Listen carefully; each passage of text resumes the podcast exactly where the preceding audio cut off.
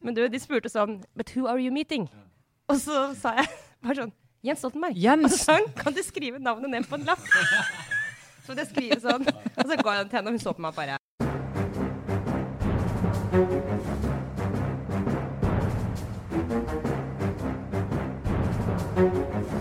Ja, eh, nei, Da sier vi som vi pleier å gjøre. Eh, da ruller vi vel i gang med denne ukens Aftenpodden. Eh, nå er vi på plass, vi er alle tre. God dag, god dag, Trine Eilertsen. God dag, god dag. Sara Sørheim. Hallo? Eh, og en ekstra hva skal, Jeg vet ikke om vi skal kalle det en gjest eller vertskap, men Jens Stoltenberg, så hyggelig at du er med. Veldig hyggelig og flott å være sammen med dere. Ja, eh, For nå er vi da på plass i eh, Brussel, i eh, Natos hovedkvarter, på ditt kontor, eh, Jens. Eh, toppen av makta, må vi vel si. Ja, vi er i EU, der vi elsker å være. Ja. Der vi skulle vært mye mer. Er det, uh, vi skal uh, gå gjennom uh, Altså vi skal jo først og fremst snakke med deg, Jens, og høre litt om hva du driver med, og, og få et, litt sånn, gå litt inn i storpolitikken og alt det spennende som skjer. Eh, men vi må jo starte litt sånn spot. Nå er vi på Er det lov å si at, at jeg trodde kanskje at det kontoret her skulle være sånn helt på toppen? Eh, og, og være litt mer eh, Si det rett ut. Litt mer luksuriøst? Ja. Ja, Men det er nøktern still i Nato. eh, og de mener også at det er veldig viktig at vi er her midt i. For vi er rett over møterommene, hvor jeg leder alle møtene mine. Så vi sitter midt i bygget og, og styrer møtene herfra. Der har du en hemmelig heis? Eller Ja, er det kanskje ikke så hemmelig heis, da, Ja. altså Det store møterommet hvor jeg sånn, tilbringer veldig mye av dagen når jeg er, når jeg er her i Brussel. Jeg er mye ute og reiser, men når jeg, når jeg er her, så er jeg veldig mye eh, Det er vel altså to etasjer under her. Eh, hvor det store møterommet er, og, og der sitter jeg. Og der er det en heis her som går rett herfra ned dit. Og, Fordi- og da sitter du og snakker med Nato-ambassadørene da, i det møtet, eller er det liksom på, på annet nivå? Eller hvordan fungerer Altså, det daglige nå, arbeidet? Det, det er litt varierer litt. da. I går så var det da utenriksministrene som satt der en hel dag. Uh, og da satt jeg med dem. Uh, og så er det forsvarsministre, og så noen ganger er det regjeringssjefer. Men det som er vanligst, er å sitte med Nato-ambassadørene. Da er det 29 ambassadører fra 29 land som sitter der og, og forhandler. Og det, det er jo lange møter, og, og det tar noen ganger litt lang tid. Og jeg tenker liksom, men jeg er inne på at jeg tenker at det, dette, tar, dette går sakte. Men da trøster jeg meg og å si at det er, sant, det er 29 land, det er eh, nesten 1 milliard mennesker. det er halvparten av verdens nasjonalprodukt som sitter i det rommet. Så, så derfor tar ting litt tid, og alle må klarere hjem til hovedstedene sine. og sånn, og det tar. Hvis du skal med en, eh, sammenligne med en norsk regjeringskonferanse, er det sånn runde rundt bordet, alle kommer med sitt, og så tenker du nei, herlighet, der kom han igjen med denne kjepphesten.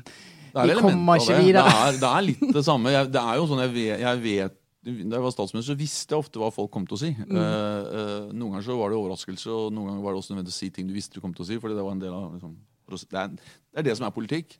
Hvis du sitter og ser på en partilederdebatt, så sies det ofte ting du har hørt før, men likevel så kan debatten være viktig. fordi det, får fram motsetninger eller få fram ting. Og sånn er det også her. Så i går hadde vi da eh, utenriksministrene og diskuterte f.eks. Uh, ja, Syria og den type ting. Og det er klart at jeg vet jo litt hva Tyrkia mener om det. Eh, men det er viktig at de sier det i den forsamlingen, eh, og at de sier det til hverandre. At de ikke bare er, er ute i avisen og kritiserer hverandre, men at de sitter ansikt til ansikt og, og tør å si det når de sitter i det rommet. Så Men skjer det ting på ekte i de møtene? Altså, er det sånn at du ikke alltid vet hva som er utfallet før du går inn? Altså, Jobber dere faktisk? Eller er det mer enn sånn at dere sitter der litt på, på mandat, og at alle sier det de har fått beskjed hjemme om å si, og så er det mer en sånn symbolsk ting? altså det, Noen ganger skjer det noe på ekte den forstand at det er der det forhandles og der det besluttes. Eh, og Da er det ofte pauser i møtene, og så tar det tid og sånn. Eh, Men ganske ofte så tror jeg du kan sammenligne med sånne stortingsdebatter. Ja. Hvor liksom, alle vet hva som skal skje. Eh, Det er bestemt, for det er egentlig bestemt i noen forhandlinger på noe komitérom eller noe bøttekott eller noe? Et eller annet sted utafor. Kommer man Men det betyr jo ikke at debatten om statsbudsjettet i Stortinget er helt meningsløs, selv om du vet hva som skal bli vedtatt. Eh, og selv om alle eh, vet at de, uansett hvor godt jeg argumenterer for mitt standpunkt, så kommer ikke det andre partiet til å endre liksom si sier, nei, du har rett, jeg liksom kuttet i skattelettelsen, eller et eller annet sånt. Men ja, så, så jeg sier at jeg, selv sånne litt eh, forutsigbare diskusjoner som er der nede, har mening, som jeg mener stortingsdebattene har mening. Eh, men så er det noen ganger da det, det, det blir skikkelig vanskelig og låser seg, og vi ikke greide å komme fram til enighet, og så må vi da ta pause, og så må vi forhandle i møte og, og sånn. Men i de møtene, er du måte altså, er, du, er, liksom, er, du, sjefen? Altså, er det generalen, eller ja, er du sekretæren? Ja, Lars, han er generalsekretær. Jo, jo, jo, jo, men jeg tenker, i det møtet, er du, er du, liksom, er du Kan du liksom styre det og sette ned foten, eller er du litt mer sånn Du får det liksom utakknemlige oppdrag uh, å samle trådene i etterkant? Jeg, jeg er begge deler. Jeg er både uh, altså, både general og sekretær sier men det er egentlig litt for enkelt. Jeg er både leder av det styret. Det, det nordatlantiske rådet er det som samles. og Det er noen ganger uh, statsråder, andre ganger ministre og andre ganger uh, ambassadører. altså Det er det samme rådet.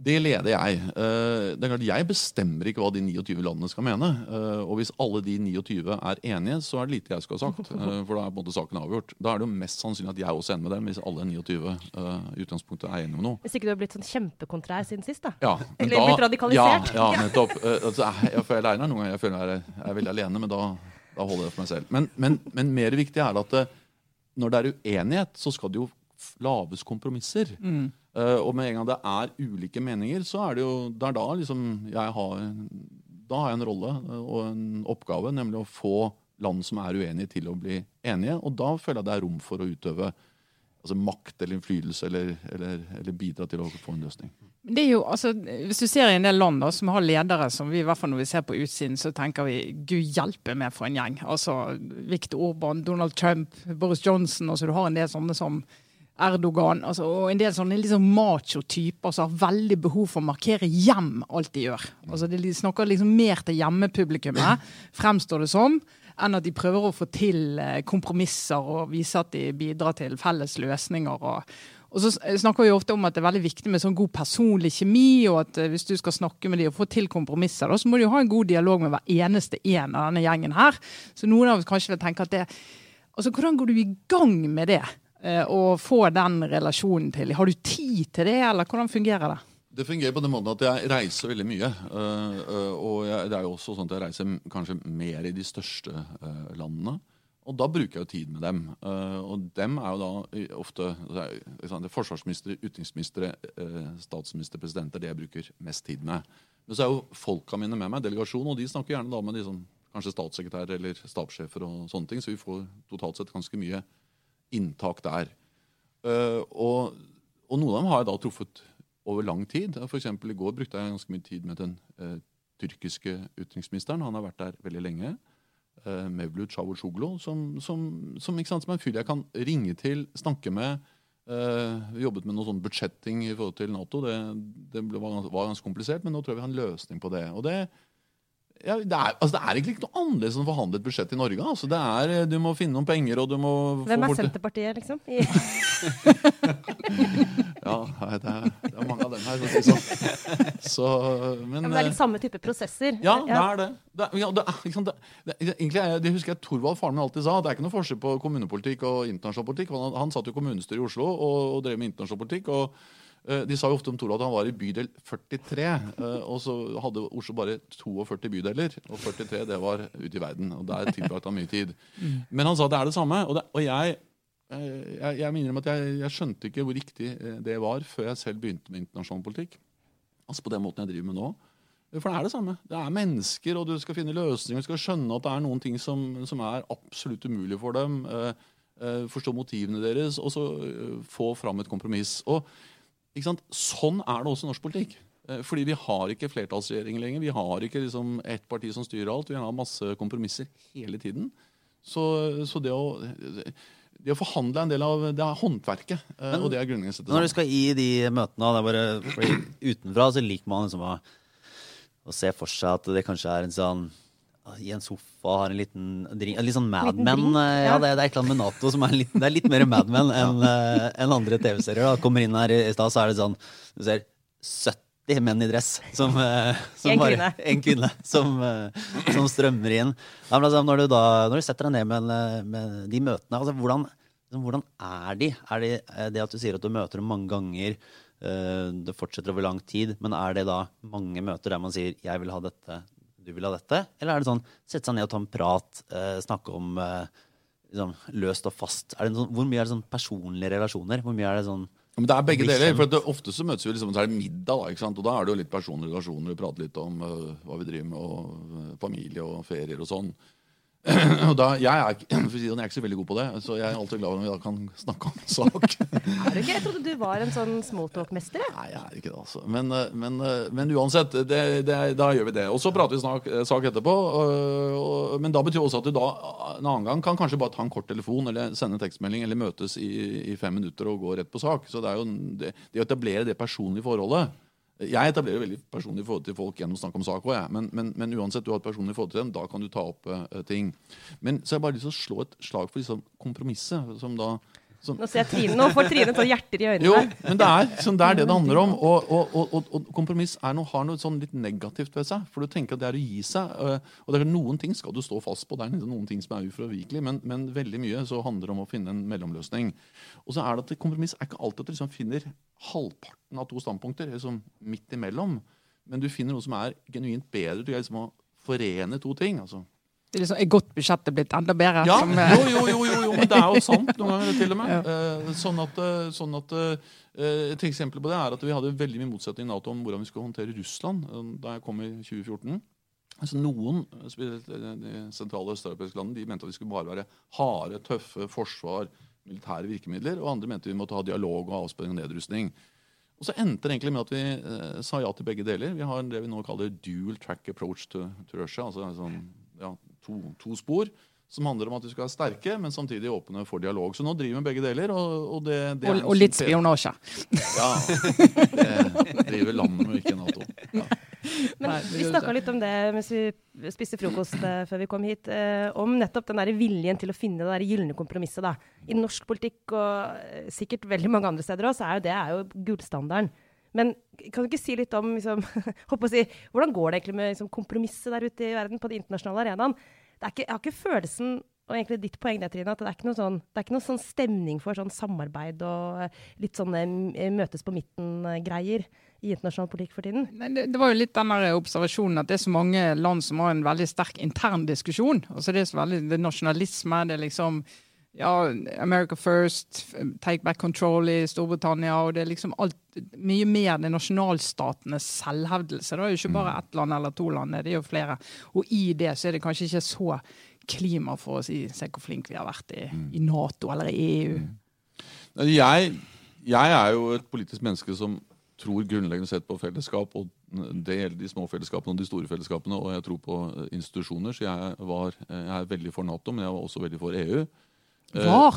Eh, Ja, men, eh, ja, men jeg, altså jeg sier var fordi jeg tror ikke Dels så er jeg ikke en del av den norske EU-diskusjonen lenger. Og dels fordi at jeg selv da jeg var en del av norsk debatt, så hadde jeg på en måte erkjent at det å få Norge inn i EU, det er ikke et prosjekt jeg ja, det tror jeg livet mitt er for kort til å drive med. Eller, altså, det, jeg har prøvd to ganger. og altså, ja. Selv i 72 har jeg følt at jeg var med. Liksom, jeg delte jo sånne ja-brosjyrer og, og sånn, som jeg var 13-14 år. og sånn. Men, men det er ikke poenget. Poenget er at eh, jeg tror på de internasjonale institusjonene uh, som jo er laget for å lage kompromisser.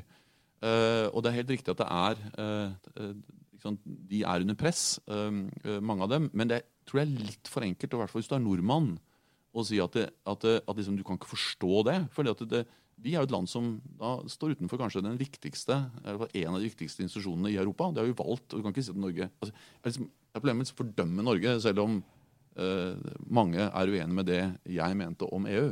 Så, så vi må akseptere at det fins legitime også eh, ordentlige argumenter for å, for å mene at ikke man skal være med i alle internasjonale institusjoner eller være med i EU. Eh, og jeg kjenner masse hyggelige mennesker jeg, som er mot EU. Opp Opptil fire-fem, Noen av faktisk. mine, Nei, ja, ja, nei. Noen av mine beste venner ja, er mot nei, EU. ja, men, det, jeg, jeg bare prøver at vi kan, ikke, vi, kan ikke Vi som er for internasjonale institusjoner, vi må ikke bli fundamentalister, vi heller, og si at det eneste som duger, er det. Vi må akseptere at liksom, man kan vurdere dem ulikt. Og, og ulike regler ulikt. og eh, og sånn. Jeg, eh, det jeg driver med nå, er jo ikke EU, det er ikke andre internasjonale organisasjoner. Jeg driver med én stor, og det er Nato. Og det som er paradokset mitt, det er at en del av de landene hvor du nå ser at de er kritiske til internasjonale organisasjoner, som f.eks. USA eller Storbritannia, de er jo veldig for Nato. Mm. Så hvis jeg på en måte et øyeblikk setter på mine skylapper og tenker at det eneste jeg skal passe på, det er den organisasjonen, så får andre passe på sine organisasjoner eller de andre, så, så opplever jeg at det går eh, overraskende bra. At vi i en tid der internasjonale bygges eh, ned, så eh, faktisk styrkes Nato. Bare snakke litt om hvordan du liksom, uh, har, har tenkt å den, forvalte den rollen. For når du skulle bli generalsekretær i Nato, så tenker jeg det er for det første litt sånn rar ting å skulle bli. Det er jo ikke så veldig mange som, som ender opp uh, der. Så du må jo ha noen sånne prosesser på, på det før man begynner i enhver jobb, tenker jeg, på hva, hva vil man være, eller hva er det man skal oppnå, eller hva slags Det en den gode gamle sånn 'hva skal stå igjen etter meg'? Ja, eller kanskje hvordan skal jeg fylle den rollen, da? Altså, hvordan, eh, Hva slags Nato-generalsekretær vil jeg være? Uh, altså bare, hvordan, hvordan gikk du inn i det? Hva tenkte du sånn Ok, dette, dette har jeg fått gjort som statsminister. Hvordan må jeg liksom endre noe for å være Nato-generalsekretær? Eller sånn, hvordan tenkte du rundt den rollen da du tok jobben? Altså jeg tenkte for det første at det var veldig meningsfylt å få lov til å være med på å bygge en internasjonal institusjon uh, i en tid som er mer usikker og, jeg, uh, og mer uforutsigbar. Og jeg tror at spesielt i usikre tider så trenger vi sterke internasjonale institusjoner som Nato. Så jeg tenkte at bare det å liksom holde den skuta eh, sterk og oppe, det var viktig i seg selv. Så tenkte jeg litt det jeg snakket om i stad, at hvis jeg kunne bidra med noe i forhold til Russland, så var det nettopp å få til en, et kompromiss eller en idé om at, du, at det er ikke noen motsetning mellom å være sterk og være for dialog. Jeg har ofte brukt norske erfaringen. altså Selv under den kalde krigen så hadde vi ganske godt samarbeid med Russland. Jeg begynte med det da jeg var statssekretær i Miljøverndepartementet og møter møte russ i en sånn miljøkommisjon, og har siden jobbet mye med Russland og tror veldig på dialog med Russland. Så det, hvis jeg greier å få Nato, og det føler jeg at jeg i noen grad har fått til, til å bli mer senkede skuldre i forhold til å snakke med russerne for å forsøke å få til løsninger, så eh, er jeg veldig glad for om, om jeg kan bidra til det. Eh, Så har jeg opplevd at det som har skjedd, som jeg ikke var klar over i 2014, det er at kanskje en veldig viktig del av min jobb er ikke å håndtere ting som kommer utenfra, men det er å håndtere eh, interne uenigheter. Det er mer strekk i laget enn jeg var klar over. Eh, eh, Og verre er det blitt. ja, ja, i hvert fall, ja. Det har kanskje det. i hvert fall. Ja, For det er mange som Og det er det interne som er utfordringen. Men da må jeg si at igjen er det overraskende likhet mellom å lede en koalisjonsregjering og lede NATO. Det er, det er ikke sant Det er, det, det var statsminister, i hvert fall andre gangen. så Første gang så var det ettpartiregjering, da var det en helt annen greie. Men, men eh, andre gang så var det trepartiregjering. Og da hadde jeg jo ett lag, vi var en gjeng. Men, men vi var jo tre partier, vi var uenige. Men vi satt nå der, da og jobba gjennom sakene. Og jeg er stolt av det vi fikk til. Så er det noen ting jeg, som hadde vært annerledes jeg kunne bestemt alene. Men, men, men sånn er det også her. Det, og en unsvikelig tro på at det går an. Blir det sånn, eh, For den rollen du har nå i alle de settingene, så er det på en måte Ja, det er kanskje sånn at eh, av og til er det andre som er hovedpersonene de, da, men du er på en måte en sånn du må liksom passe på at alle har det bra. Du må ta mye sånn sosialt ansvar, tenker jeg, når du har de, de, de møtene. Altså liksom her, ok, så er USA fornøyd, da er Tyrkia fornøyd, da Macron, ja, ok, da. eh, Pass litt på deg. Også, Du må ikke fremstå mye- som hjernedød, f.eks. ja, ja. Ja, bare, ok, vær, vær i live, vær i live. Uh, det er holde i gang, er det Og du sier at det er sånn smalltalk er kanskje ikke det du var inne på. På de settingene, er det sånn, at har du fått deg noen sånne venner eller folk du tenker Ok, nå har jeg gått rundt og smalltalka og prata med alle disse folka her i to timer. Nå skal jeg bare gjemme meg i et hjørne, eh, snakke litt sånn Sånn som man gjør på fest. Altså bare nå Altså gå ut på kjøkkenet og ha den Ja, kjøkkenpraten. ja ikke sant? At Er det jeg, har, jeg vet ikke hva du spør meg om nå, for jeg, det jeg har er at jeg har jo noen få norske medarbeidere. Og jeg er enig med at jeg flykter litt. Altså, når jeg er sliten, da, mm. så, så trekker jeg meg tilbake til dem. Eh, ikke for ønske, altså, for å prate om hva som helst, egentlig, men bare for å være alene. Enten helt alene eller sammen med dem. For det er, det er et sånn frikvarter for meg. Så det er kanskje det er å gå på kjøkkenet. på kjøkkenfesten. Du har ikke fått deg en sånn bestevenn i- blant uh, de internasjonale topplederne? Nei, altså det er, er, er ikke, Nei, jeg opplever ikke det. Det, første, det er ikke sånn, Man har ikke bestevenner. Men, men, eh, men, eh, men, men altså, Ursula von der Leyen, da, som er eh, den nye EU-presidenten, hun er en veldig, et menneske jeg har jobbet veldig tett og nært med i mange år. Eh, så, så det er et eksempel på en person jeg føler at jeg det, er- det, er, også veldig resultatet av den Vi har vært så tette altså, i mange år, så da får du en nærhet som, som er veldig verdifullt. Og det- sånn har jeg med noen andre òg. Ja. Er det som er best å fortelle sånne sladrehistorier om hva som, har, hva som har skjedd inne i EU? Alltid noen som kommer går til på sånne selskaper som har sånn Å ja, det er det som har skjedd, ja. Det er derfor de to ikke ser hverandre helt i øynene. Men altså, hun har ikke Jeg har jobbet med henne som forsvarsminister i Tyskland, og nå er hun på en måte sånn på vei inn i EU. Så, så, men jeg gleder meg egentlig til å jobbe med henne da i den nye posisjonen som EU-president. Men du, vi må jo snakke litt om eh, Emmanuel Macron, da, som uh, gikk ut i et uh, ja, litt spektakulært intervju i The Economist sånn en måned før uh, toppmøtet. Eh, og så eh, sier han at Nato er hjernedødt. Fremstår som en hjernedød organisasjon. Det er jo litt av et skussmål å få. Og så eh, kommer han med ganske sånn ramsalt kritikk egentlig av rollen Nato spiller, og alt som har skjedd med hvordan Russland har fylt maktvakuumet når USA har trukket seg litt tilbake, og alt som skjer i Midtøsten rundt Syria som følge av det. Og så, så bare lurte på, Når han eh, lar seg intervjue sånn, gir han da en liten heads up til dere at nå kommer det et intervju i Economist som er ganske heftig? Vær obs på det og det jeg tenker, og sånn og sånn. Eller bare kommer det som en bombe inn her? Altså, Vi visste at det skulle komme et intervju øh, og, og øh, hva skal vi si, st- sterke uttalelser. Um, nå skal jeg øh, til Paris neste uke og, og møte president øh, Macron. Og da regner jeg med at vi kommer til å diskutere øh, det han sa i det intervjuet. Eh, det, det jeg kan si i dag, det er at, eh, det, er at paradokset er at hvis du, ser på, hvis du ser på hva vi faktisk gjør, så gjør eh, Nord-Amerika Europa mer sammen nå enn vi har gjort på mange tiår. For første gang i vår historie har vi eh, altså utplassert styrker øst i Europa, i Baltikum og i, i Polen. Vi har tredoblet eh, størrelsen til Natos innsatsstyrke. Eh, Amerika, de, eller USA, de reduserer ikke sitt militære nærvær i Europa. Det gjorde de i årene etter kalde krigen. Nå øker de. Det er flere amerikanske soldater i Europa enn på mange mange, mange år. Selv i Norge er det amerikanske soldater som er noe helt nytt. Så, så den ideen med at USA forlater Europa, er bare simpelthen eh, eh, feil. Eh, så, så, og europeiske land investerer mer i forsvar, eh, som også er noe helt nytt. Så, så jeg husker jeg var, Da jeg var i norsk politikk, så var liksom, husker jeg sagt at vi er veldig gode på retorikk, og vi prater og er bare gode på ord. Substansen er dårlig. I Nato er det nesten omvendt. altså. Retorikken er litt dårlig. Men substansen er overraskende god. Eh, men så er ikke det med retorikk helt uvesentlig. For det, hva som formidles, er også viktig. Det påvirker en evne til å bruke substansen, eller, eller, ja, at det, det er troverdig. Um, så Jeg tror du hadde en diskusjon som handler om en idé om et europeisk forsvar.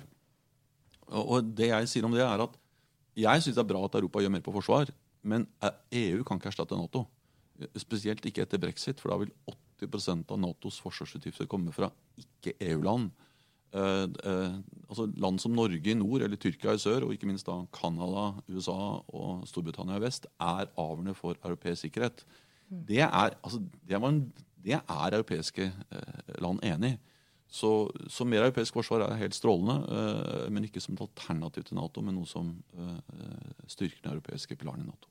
Men, men når han sier det han sier, president i et stort EU-land og Nato-land, så, så vi kan jo det høres hjemme som en fornuftig reaksjon på det som har skjedd i Syria, når USA trekker seg ut og, og tyrkerne går inn og kurderne står igjen og tenker 'hva skjedde?' og alle tenker 'var ikke vi sammen om dette', hva, hva er dette for et Nato? Så sier han at dette er ikke et Nato vi kan stole på og regne med, for det er så uforutsigbart, så vi er nødt til å lage noe eget. Så det, det, hvordan, altså, hvordan møter du det, hvis du skal please både Tyrkia, USA og Frankrike? Ja. Da sier jeg altså, først overordnet skal jeg si om Syria om et lite øyeblikk. Det er at det overordnede er at Nato har hatt eh, altså Vi er 29 land fra begge sider av Atlanterhavet, og det er eh, og har alltid vært uenighet mellom de landene. Altså Helt tilbake til Suez-krigen i 56. Jeg vet ikke om dere ser på Crown, men de mest dramatiske Jo. tingene. Jo, ikke sant? Det er full krise.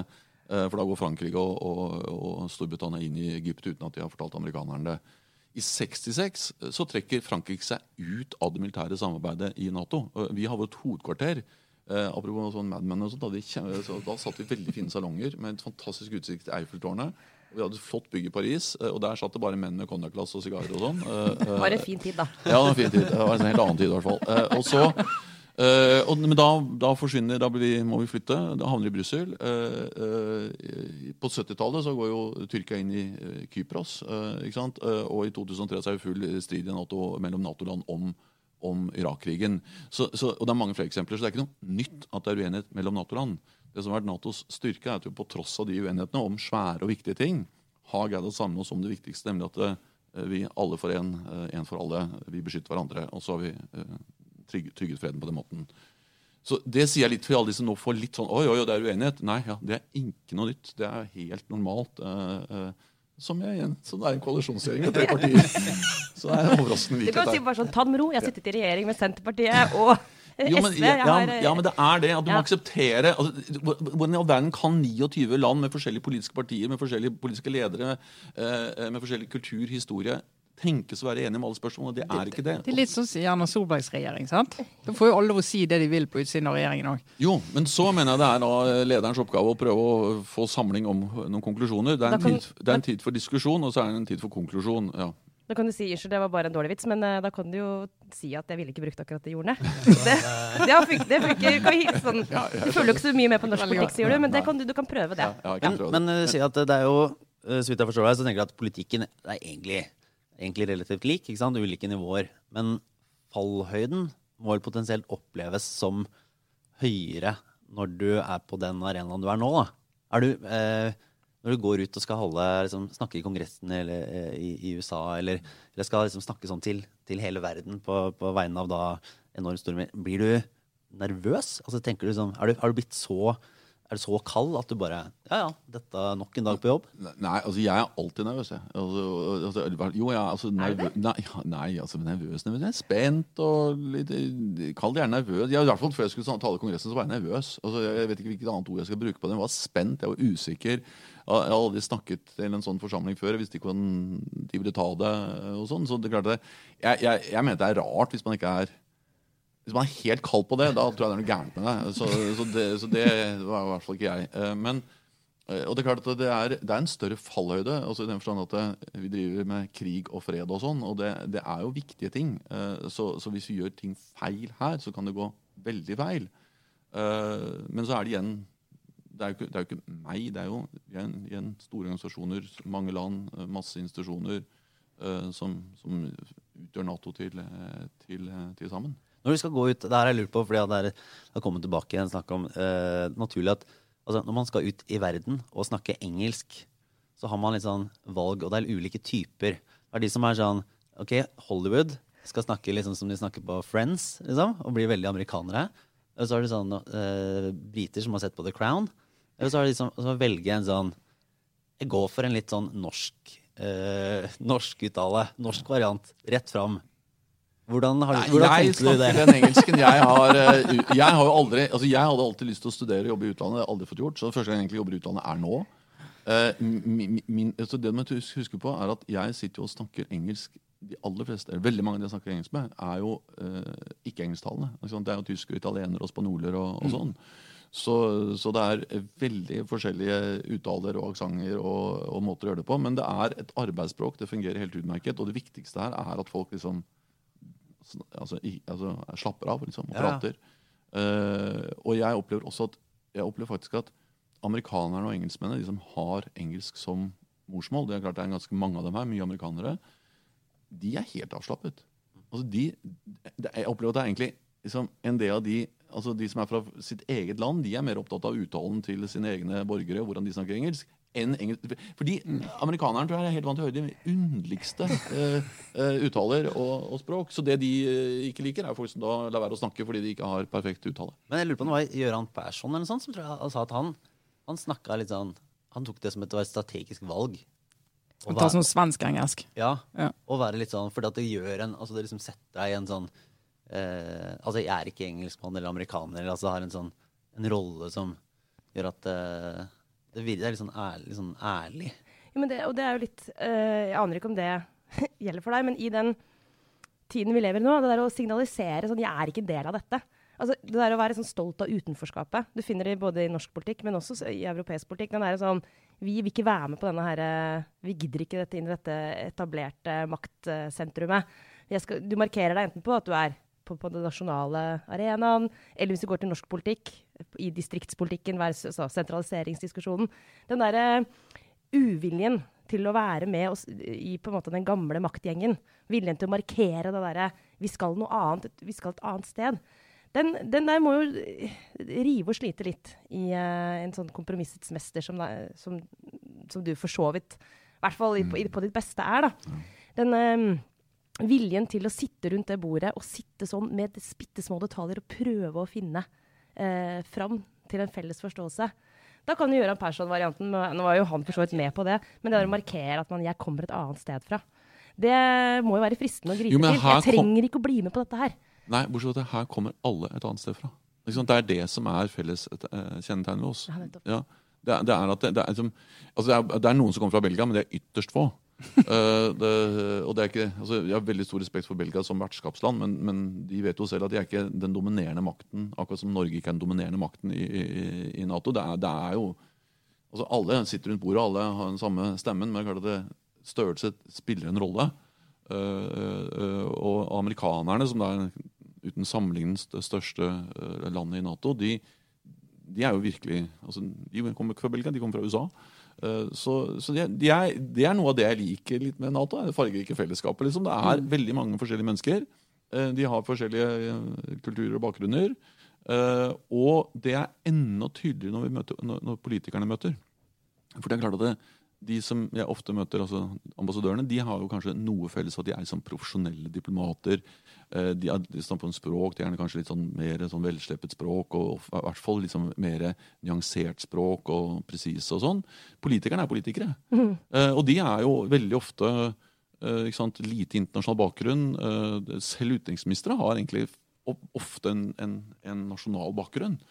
Eh, så da er det det, det, er det fargerike, mangfoldige fellesskapet som er Natos styrke. Det, så, ja. så, det syns jeg egentlig er fint. Ja. Synes det er gøy å være grass i Nato? Ja, det, ja? ja, men altså, altså Jeg syns det, men jeg liker ikke å si det. Fordi at jeg føler at det er liksom ikke lov til å si at det er gøy å drive med noe som er så alvorlig. Eh, og, og det som det som kom veldig nært meg, det er at vi fortsatt er i militære operasjoner der folk mister livet. Bare i går så mistet vi to soldater i Afghanistan. Og det, det, det er liksom ikke da lov til å si, bruke ord som gøy om det, føler jeg. Jeg føler at Det er en alvor, det er meningsfylt. Øh, det det er, det, er noe jeg føler er, gir mitt liv mening. Uh, uh, men, men hvis, hvis, familien til de to amerikanerne som mistet livet, uh, hørte at jeg, bruker, altså, at jeg sier er gøy, så jeg mener det er feil ord om en sånn jobb. Og, og, da er det sånn at vi da altså, heis, altså, halver, Flagget er på halv stang. og det er dessverre fortsatt ganske ofte. så det er, det er veldig alvorlig det vi driver med, og det handler om menneskeliv. Hvis, hvis, du tenker på NATO, i hvert fall Norges forhold til Nato, da, så var det liksom når vi først eh, ble med, så var det bare, det lå der som en konstant. Egentlig ikke noe du diskuterte. Ingen i politikken diskuterte det. Eh, og ikke rollen heller, for den var så gitt, i hvert fall til kaldkrigen var slutt. Eh, og så har du fått nå kanskje i hvert fall inntrykket da, i flere land da, mer sånn diskusjon, Ikke om du skal melde det ut, men om hva er poenget med dette. Hva, hva skal, opplever du at nasjonale politikere bruker nok tid og energi på å forsvare medlemskapet og engasjementet? Altså, jeg svarer, altså, Riktig svar på det er helt sikkert nei, for du skal alltid mene at de kan gjøre mer. Men, men det paradokset som har vært inne på hele tiden, det er at, er at det rare er at når du ser på, på meningsmålingene, så er det, varierer litt selvfølgelig mellom ulike Nato-land. Men f.eks. i USA så er det rekordstor tilslutning til, til, Nato. Og så spør jeg hvorfor det. Nei, jo, det er dels fordi Trump har kritisert Nato, så derfor er alle demokratene nå enda mer for Nato enn noen gang. Uh, og så er Republikanerne er klassisk veldig for Nato-parti, så summen av det er at det er mer eh, tilslutning til Nato i USA enn det har vært på mange år. Kongressen er jo sterke vedtak, store vedtak der de siste, altså nå, siste nå i januar. Uh, hvor det er liksom 90 av alle stemmer for en sånn støtteresolusjon til Nato. Så USA er det mer massivt enn på lenge, og, og det er jo ikke, det er ganske viktig. Uh, og Europa er, er jo gjennomgående stor tilslutning, um, og, og, spesielt i alle de nye medlemslandene. Uh, så, så, alt i alt så er det ganske solid sånn. Men det er det paradokset at mens det er det som er realiteten, så er det disse diskusjonene som kommer av utspill til Macron i Economist, uttalelsen fra, fra, Trump, i hvert fall i begynnelsen av hans presidentperiode, og da er Min oppgave da, det er, å, det er å, dels gjøre det ikke, altså ikke bagatellisere, for det er alvorlige spørsmål de tar opp, men si at det, her, det kan vi håndtere hvis vi vil. Uh, og, og, og, det andre er å overbevise om at Nato omstiller seg. For dette, uh, Eh, altså Nato har gjennomført den største omstillingen. Jeg er veldig for modernisering av offentlig sektor. Det var mitt slagord i 2001. Det gikk jo kjempebra. ja, altså, det, det, kan man si ikke, Var det det beste slagordet lagd, eller? Altså, Vi hadde to slagord. Skape og dele, som er ganske bra slagord. Uh, og så hadde vi det der med altså, Det slagord var det selvfølgelig ikke, men det var mitt prosjekt. da, modernisere. Jeg tror veldig på det. Ja. Uh, og jeg tror også på å modernisere Nato. Uh, men vi har i hvert fall ja, så, men, ja. du, Hva kan du si om ditt forhold til Trump?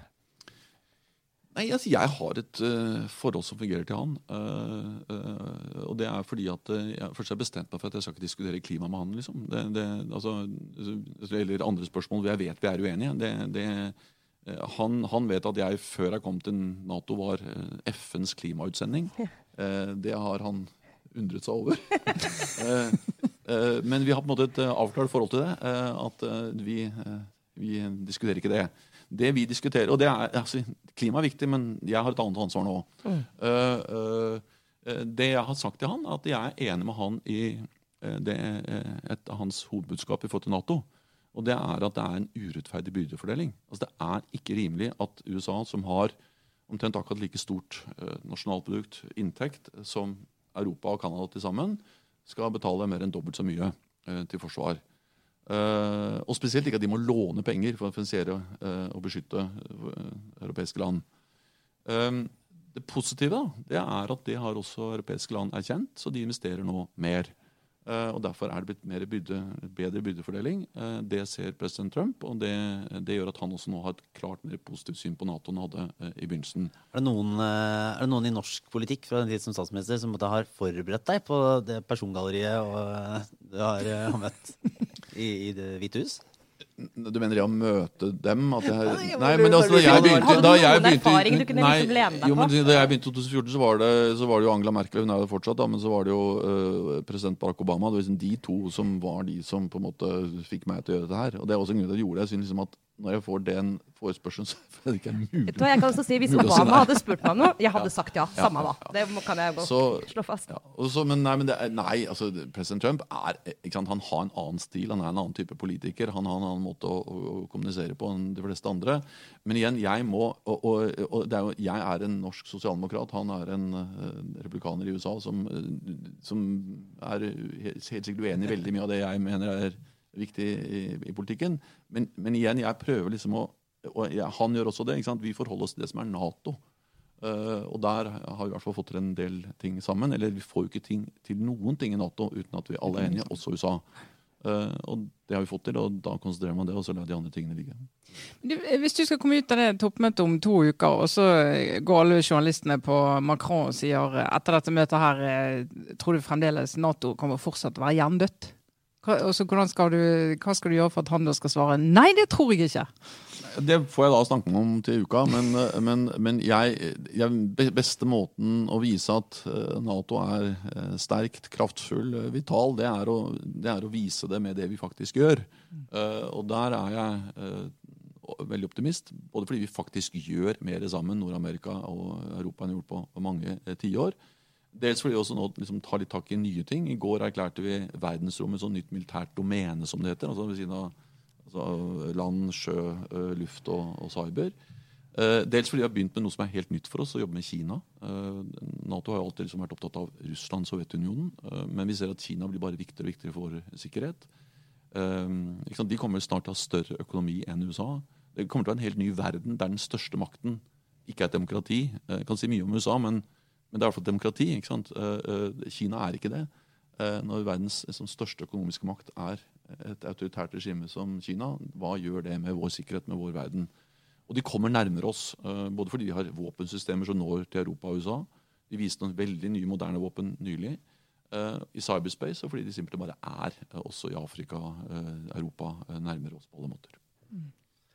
Men eh, hva, når du er ferdig her, hva skal du gjøre da? Hva er det dere tenkte på her i, i, eh, en taxi i går? Hva er det som er neste jobb etter Natos generalsekretær? Er det Naturlig neste steg på karrierestigen. Ja. ja. Hvis du ikke skal tilbake og bli Arbeiderpartileder. Kan ikke dere hyre med som sånne researcher, da? jo. jo. Du kan til og med få lov til å være fast gjest.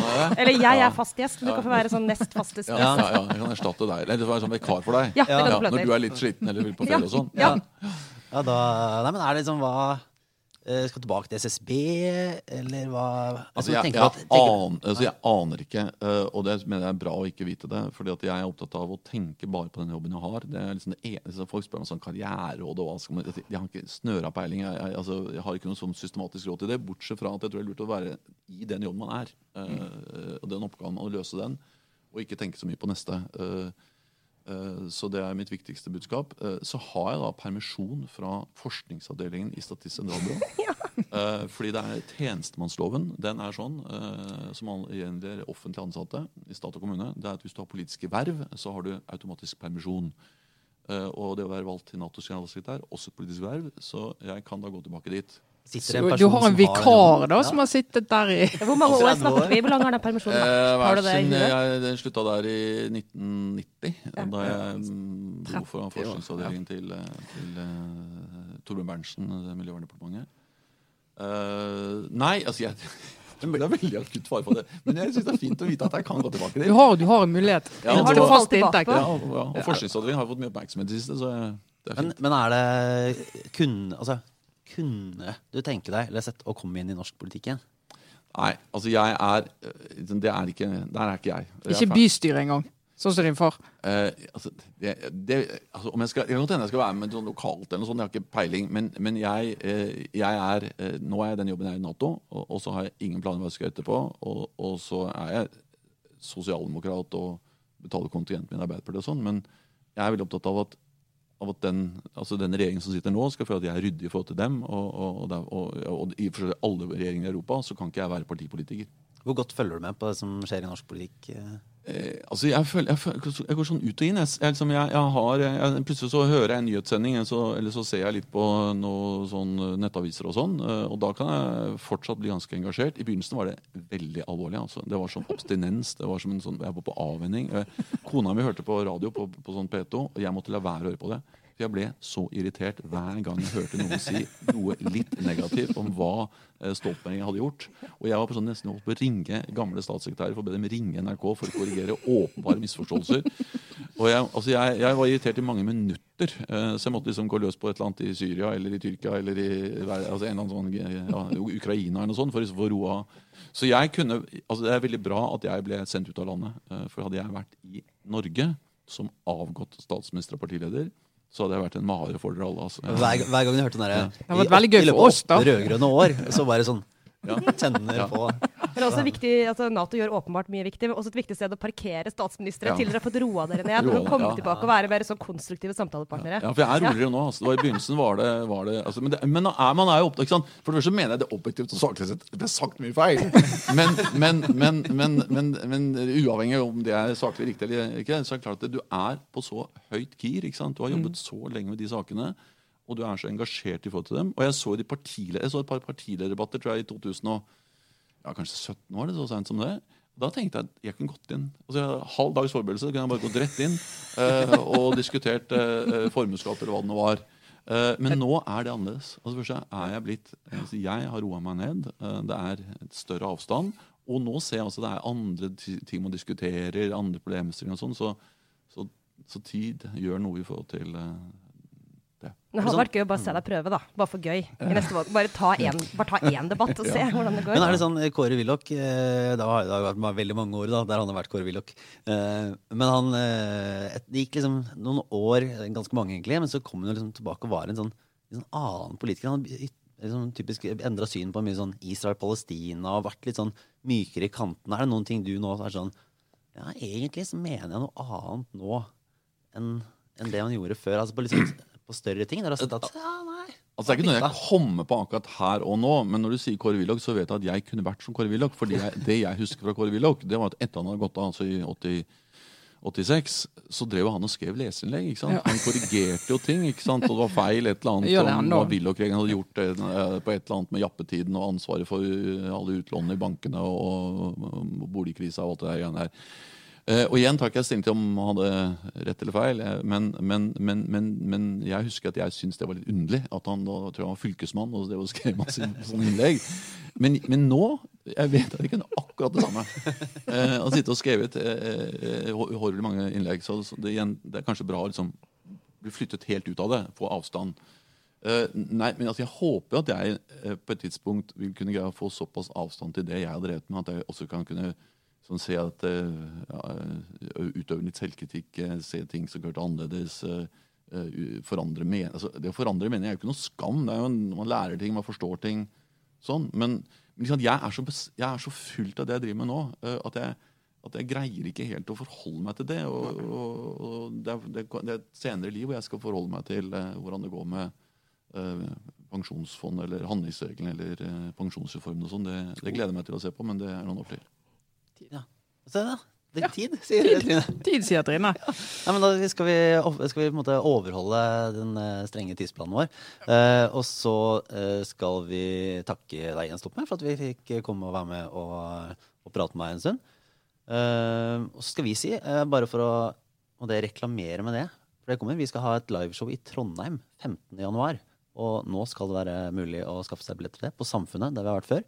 Så det gleder vi oss til. Um, og så tror jeg vi takker for praten, Jens. Veldig bra. Tusen hjertelig takk. Fortsatt god dag med å styre krig og fred og sånn. Men du, det er skiføre i marka nå, bare så du veit det. Jeg vet det. Ja. Ja, det plager meg litt.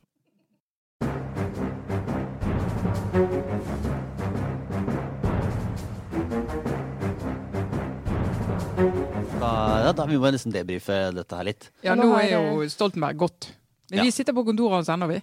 Ja, Så han har flytta møtet sitt eh, for at vi skulle bare kunne, kunne snakke oss gjennom det. Hva- Hvordan syns vi det gikk? Jo, altså, jeg synes jo Det gikk, går jo bra med han. Men Ja. du merker jo forskjell på, på politikeren som er blitt diplomat.